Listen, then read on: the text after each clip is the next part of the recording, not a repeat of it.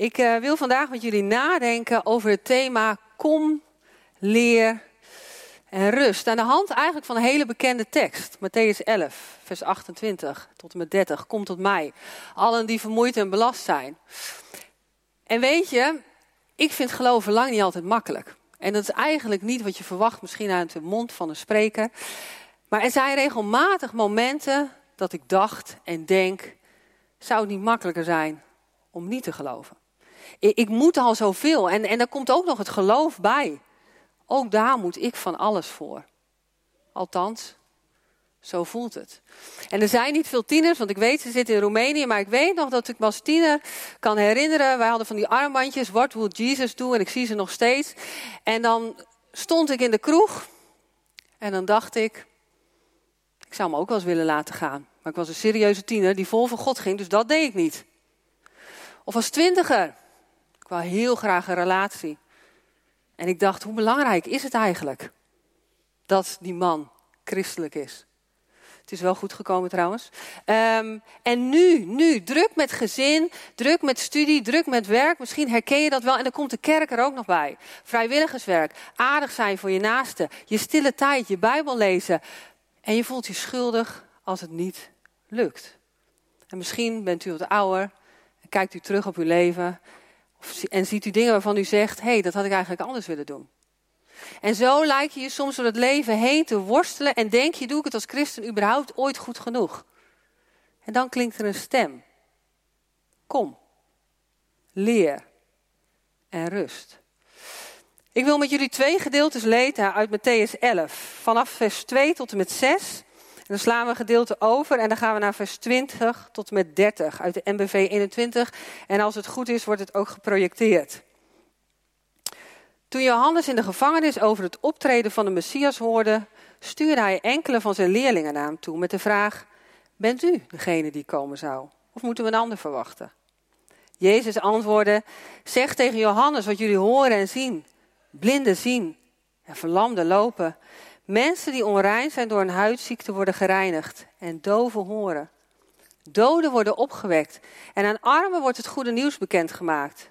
Gelukkig is degene die aan mij geen aanstoot neemt. we gaan verder vanaf vers 20. Daarop maakte hij de steden, waar bijna al zijn wonderen hadden plaatsgevonden, het verwijt dat ze niet tot inkeer waren gekomen. Wee Gorazin, Wee Bethsaida, want als in Tyrus en Sidon de wonderen waren gebeurd die bij jullie gebeurd zijn, dan zouden de inwoners van die steden zich al lang in een boetekleed gehuld en met stof bedekt hebben en tot inkeer gekomen zijn. Ik zeg jullie, op de dag van het oordeel zal het lot van Tyrus en Sidon draaglijker zijn dan dat van jullie. En jij, Cafarnaum, dacht jij tot in de hemel verheven te worden? In het dodenrijk zul je afdwalen. Want als in Sodom de wonderen waren gebeurd, die bij jou gebeurd zijn, dan was het tot op de huidige dag blijven bestaan. Ik zeg je dat op de dag van het oordeel het lot van Sodom draaglijker zal zijn dan dat van jou. In die tijd zei Jezus ook: Ik loof u, Vader, Heer van hemel en aarde, omdat u deze dingen voor wijze en verstandigen verborgen hebt gehouden. Maar ze aan eenvoudige mensen, en ik zie de kinderen in de zaal, aan kinderen, staat in een andere vertaling, onthuld hebt. Ja, vader, zo heeft het u behaagd. Alles is mij toevertrouwd door mijn vader. Niemand kent de zoon behalve de vader. En niemand kent de vader behalve de zoon. En iedereen aan wie de zoon het wil openbaren. Kom, allen bij mij, jullie die vermoeid zijn en onder lasten gebukt gaan. Ik zal jullie rust geven. Neem mijn juk op je en leer van mij. Ik ben zachtmoedig en nederig van hart. Dan zullen jullie werkelijk rust vinden, want mijn juk is zacht en mijn last is licht. Voordat we verder ingaan op deze tekst, is het goed om te weten met welk doel Matthäus zijn evangelie heeft geschreven. Het maakt het namelijk veel makkelijker om de tekst te begrijpen. Matthäus heeft zijn evangelie geschreven voor de Joden, het Joodse volk, Israël. Om te laten zien dat Jezus daadwerkelijk de Messias is die zij verwachten. Het Joodse volk, bekend met besnijdenis, met de Torah, de wetten, de voorschriften, de synagogen. De Joden die de Messias verwachten, zij hadden daar een bepaald beeld bij. En de fariseeën namen daar eigenlijk een hele speciale plaats in. Zij stonden hoog in aanzien in het volk. Want zij zorgden ervoor dat de komst van de Messias bespoedigd werd. Hoe deden ze dat? 613 voorschriften. 613.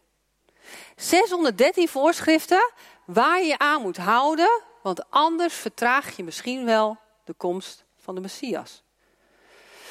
Hoe vreemd deze denkwijze ook in onze oren klinkt, hoe vaak denken wij niet zo?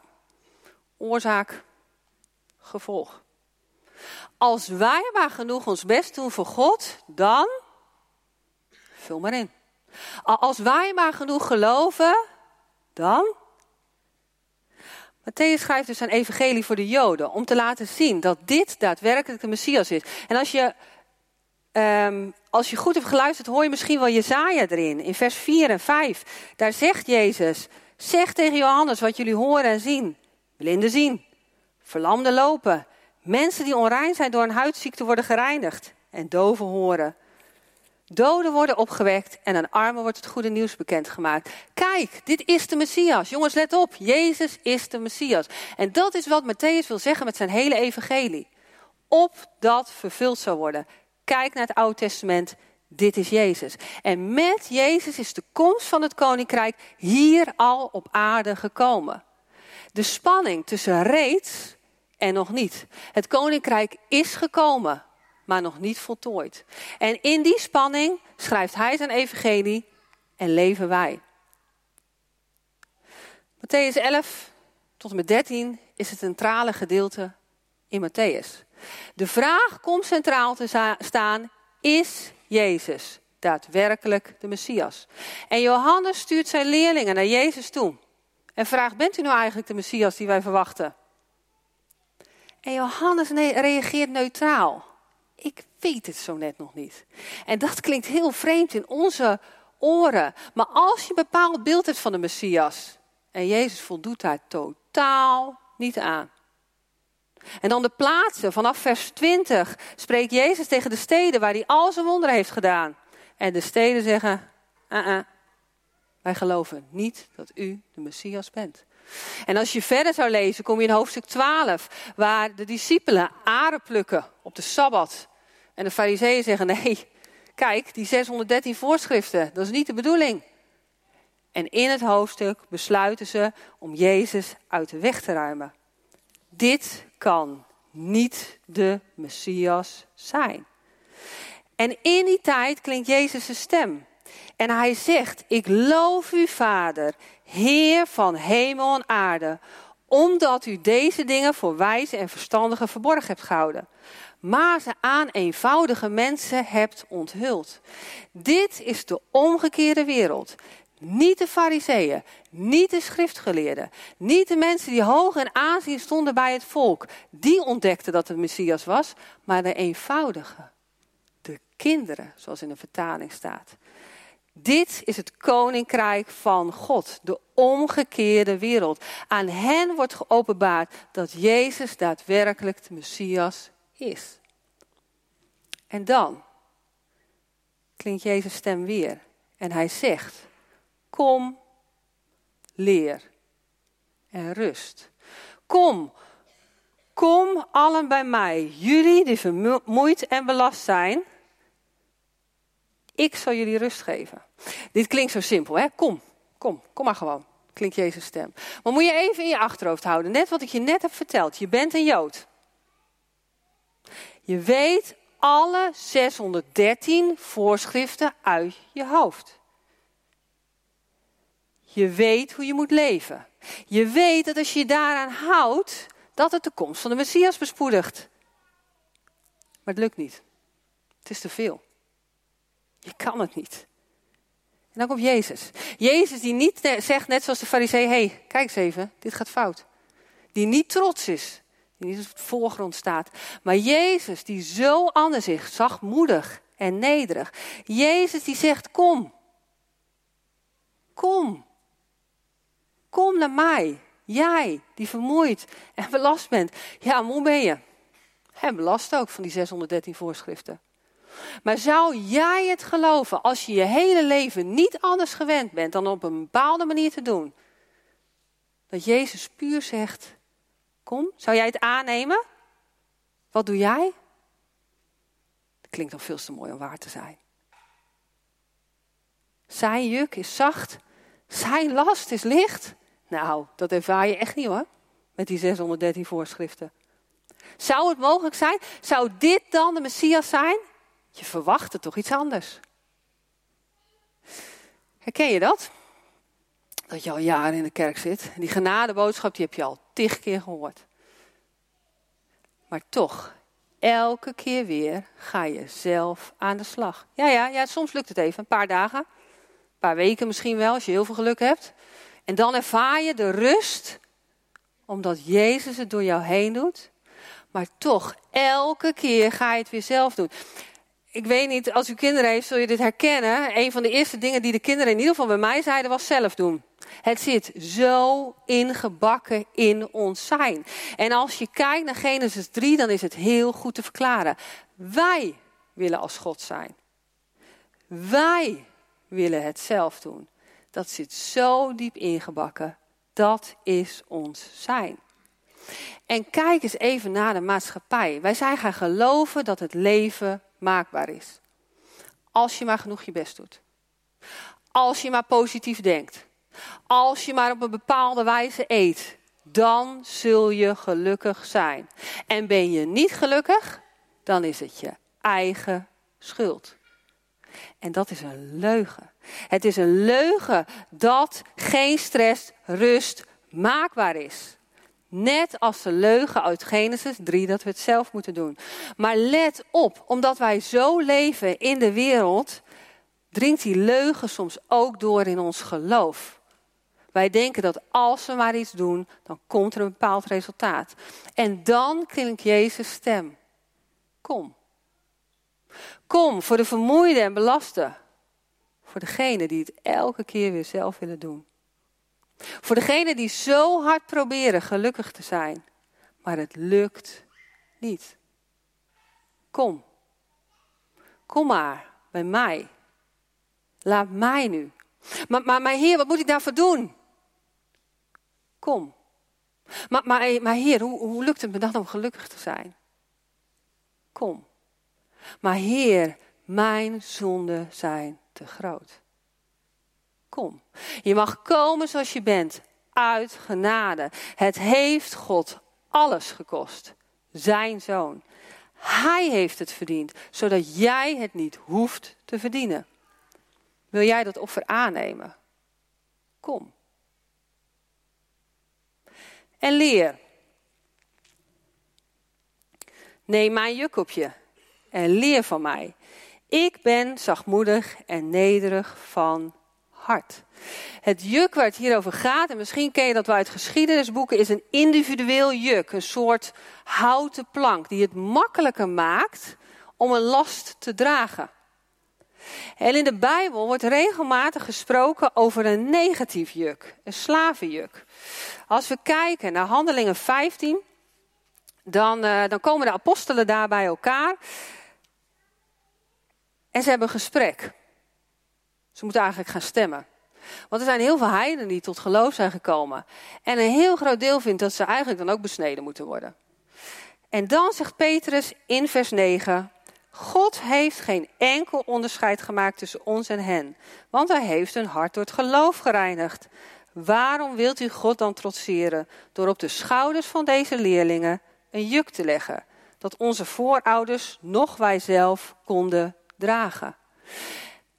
Hetzelfde zie je gebeuren in Galaten 5, iets soortgelijks. De heidenen komen tot geloof. En de joden zeggen, nee, nee, nee, nee, dat gaan we niet zomaar doen. Dan, dan moeten ze zich ook aan de joodse, de wetten, de voorschriften, alles, de besnijders, ze moeten zich overal aan houden. En de heidenen komen een beetje in twijfel.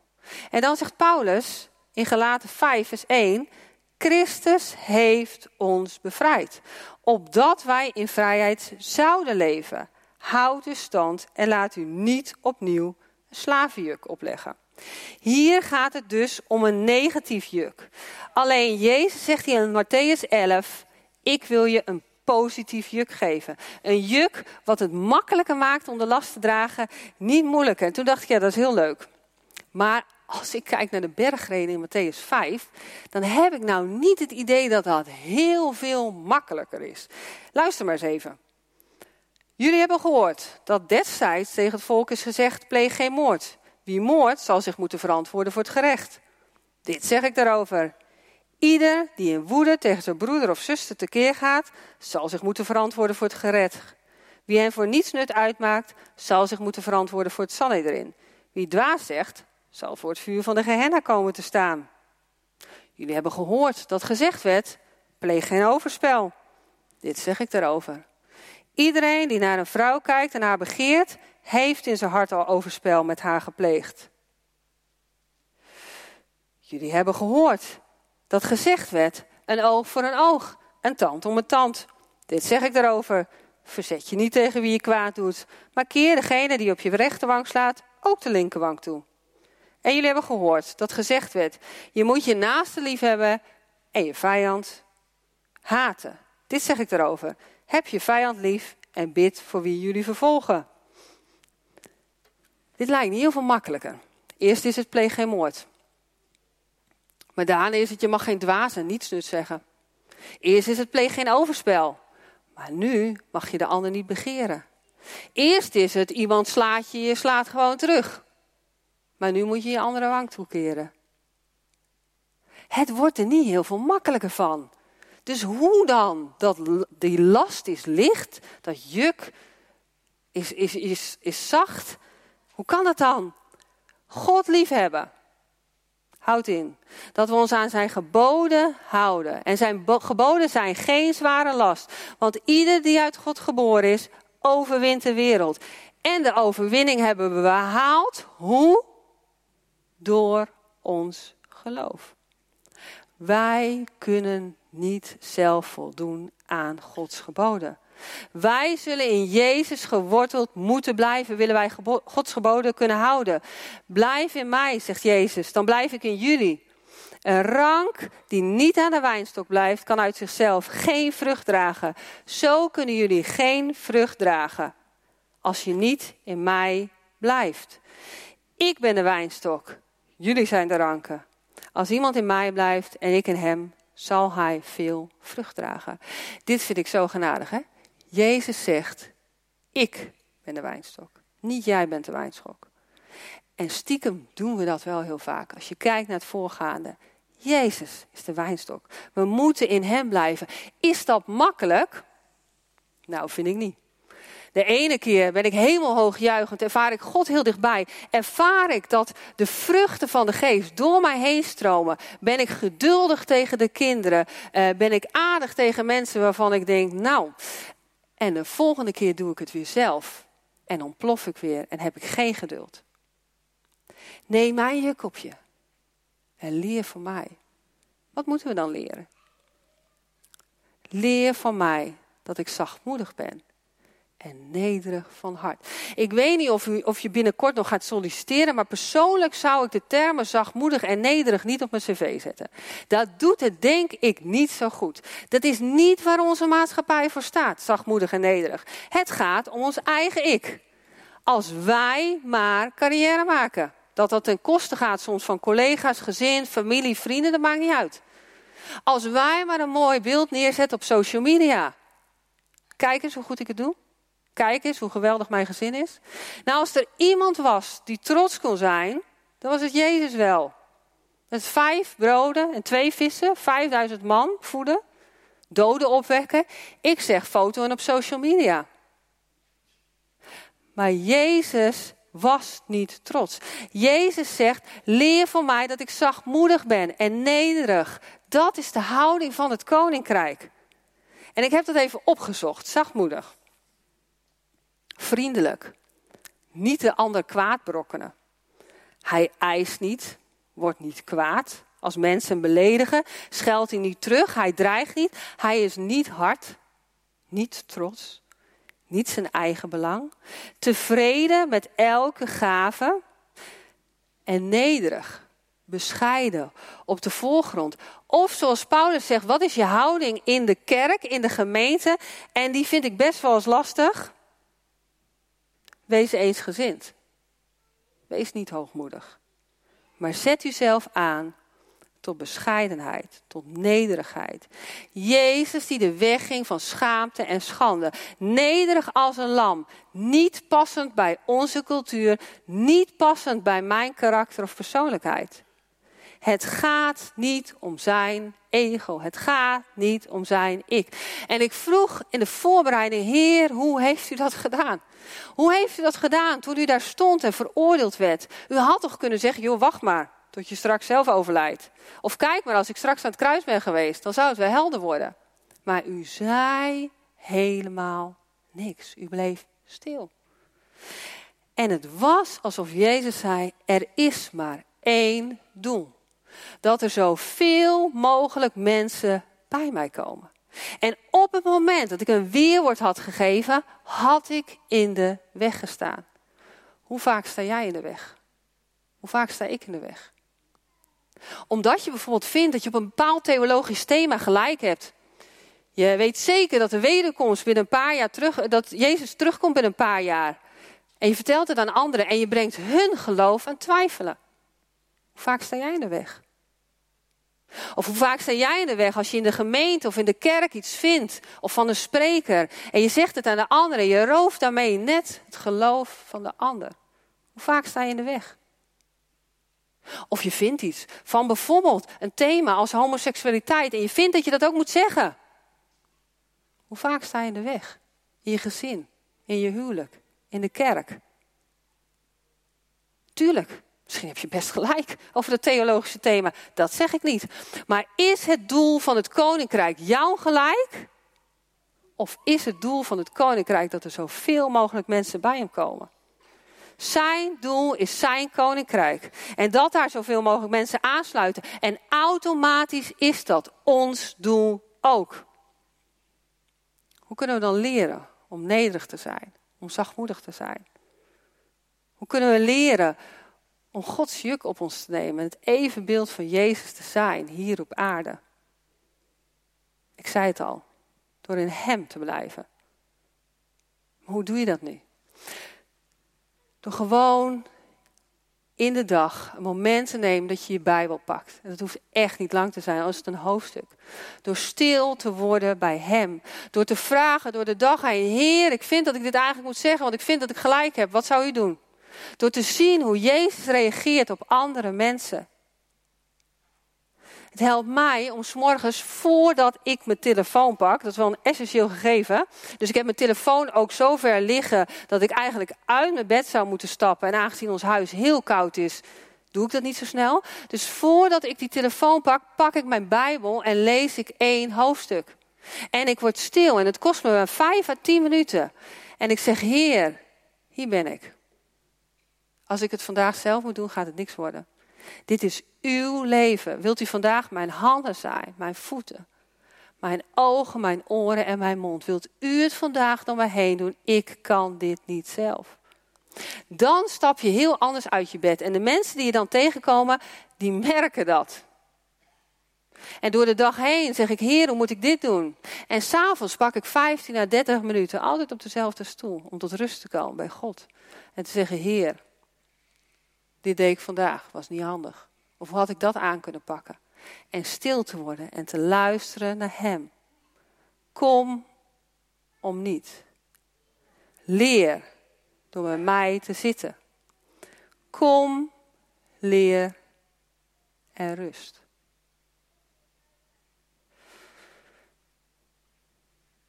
Ik zal jullie rust geven.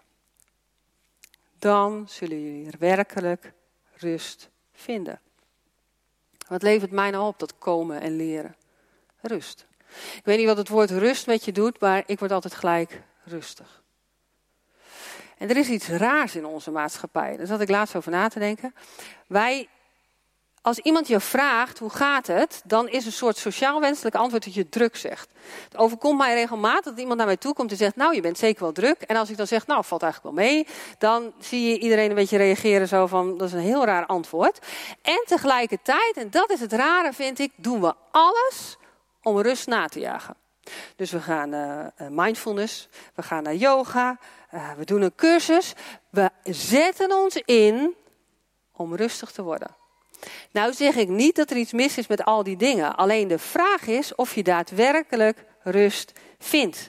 De ultieme rust. En dat is het waar in deze tekst over gaat. De hemelse rust. Een voorproefje van de hemel. De rust die wij ontvangen als we straks na al onze inspanning bij Jezus komen. Kom, leer en rust. Ik geef je rust. Rust voor je ziel. Een voorproefje van het uiteindelijke ingaan in zijn eeuwige rust, waar geen honger meer is, geen pijn, geen dood, geen zwoegen, geen ego's. Omdat Hij alles volmaakt heeft. Kom, leer en rust.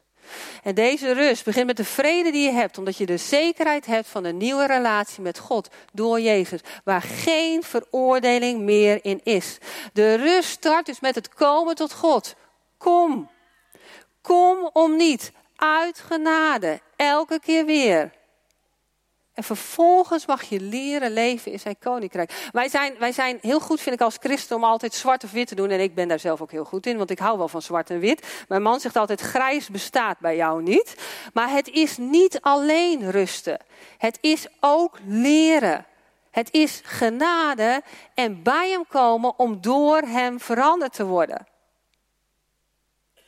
Je verliest je eigen leven. Je verloochent jezelf. En laten we eerlijk zijn. Hoe fijn is het als je je eigen ik, als je je eigen ego niet meer overeind hoeft te houden. Als je niet overeind hoeft te houden dat je die bevestiging nodig hebt.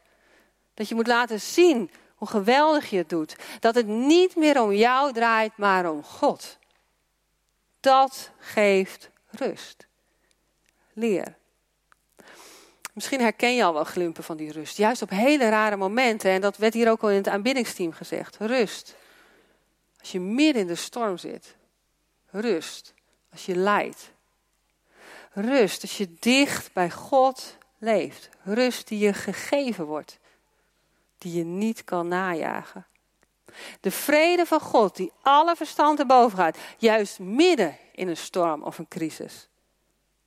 Rust omdat je je leven verloren hebt. Rust omdat je weet dat je elke keer weer bij God mag komen.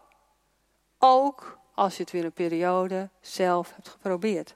Rust omdat je nu al leeft in zijn koninkrijk.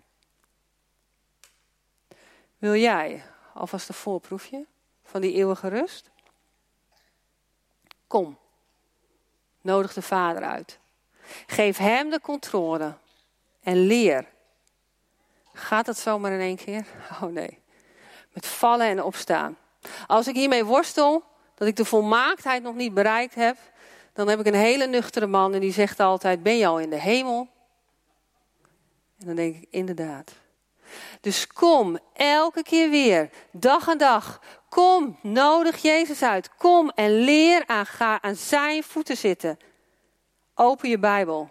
En zie hoe hij op dingen reageert. Vraag hem door de dag heen: Heer, hoe moet ik dit doen? Of God, ziet u, nu speelt mijn ego weer op. U zult het moeten doen, ik kan het echt niet. En rust. Rust aan zijn voeten. Vallend, struikelend, achter hem aan. Rust. Met het hoofd omhoog. Rust. Met de eindstreep voor ogen rust. Met je oog op het hemelse koninkrijk.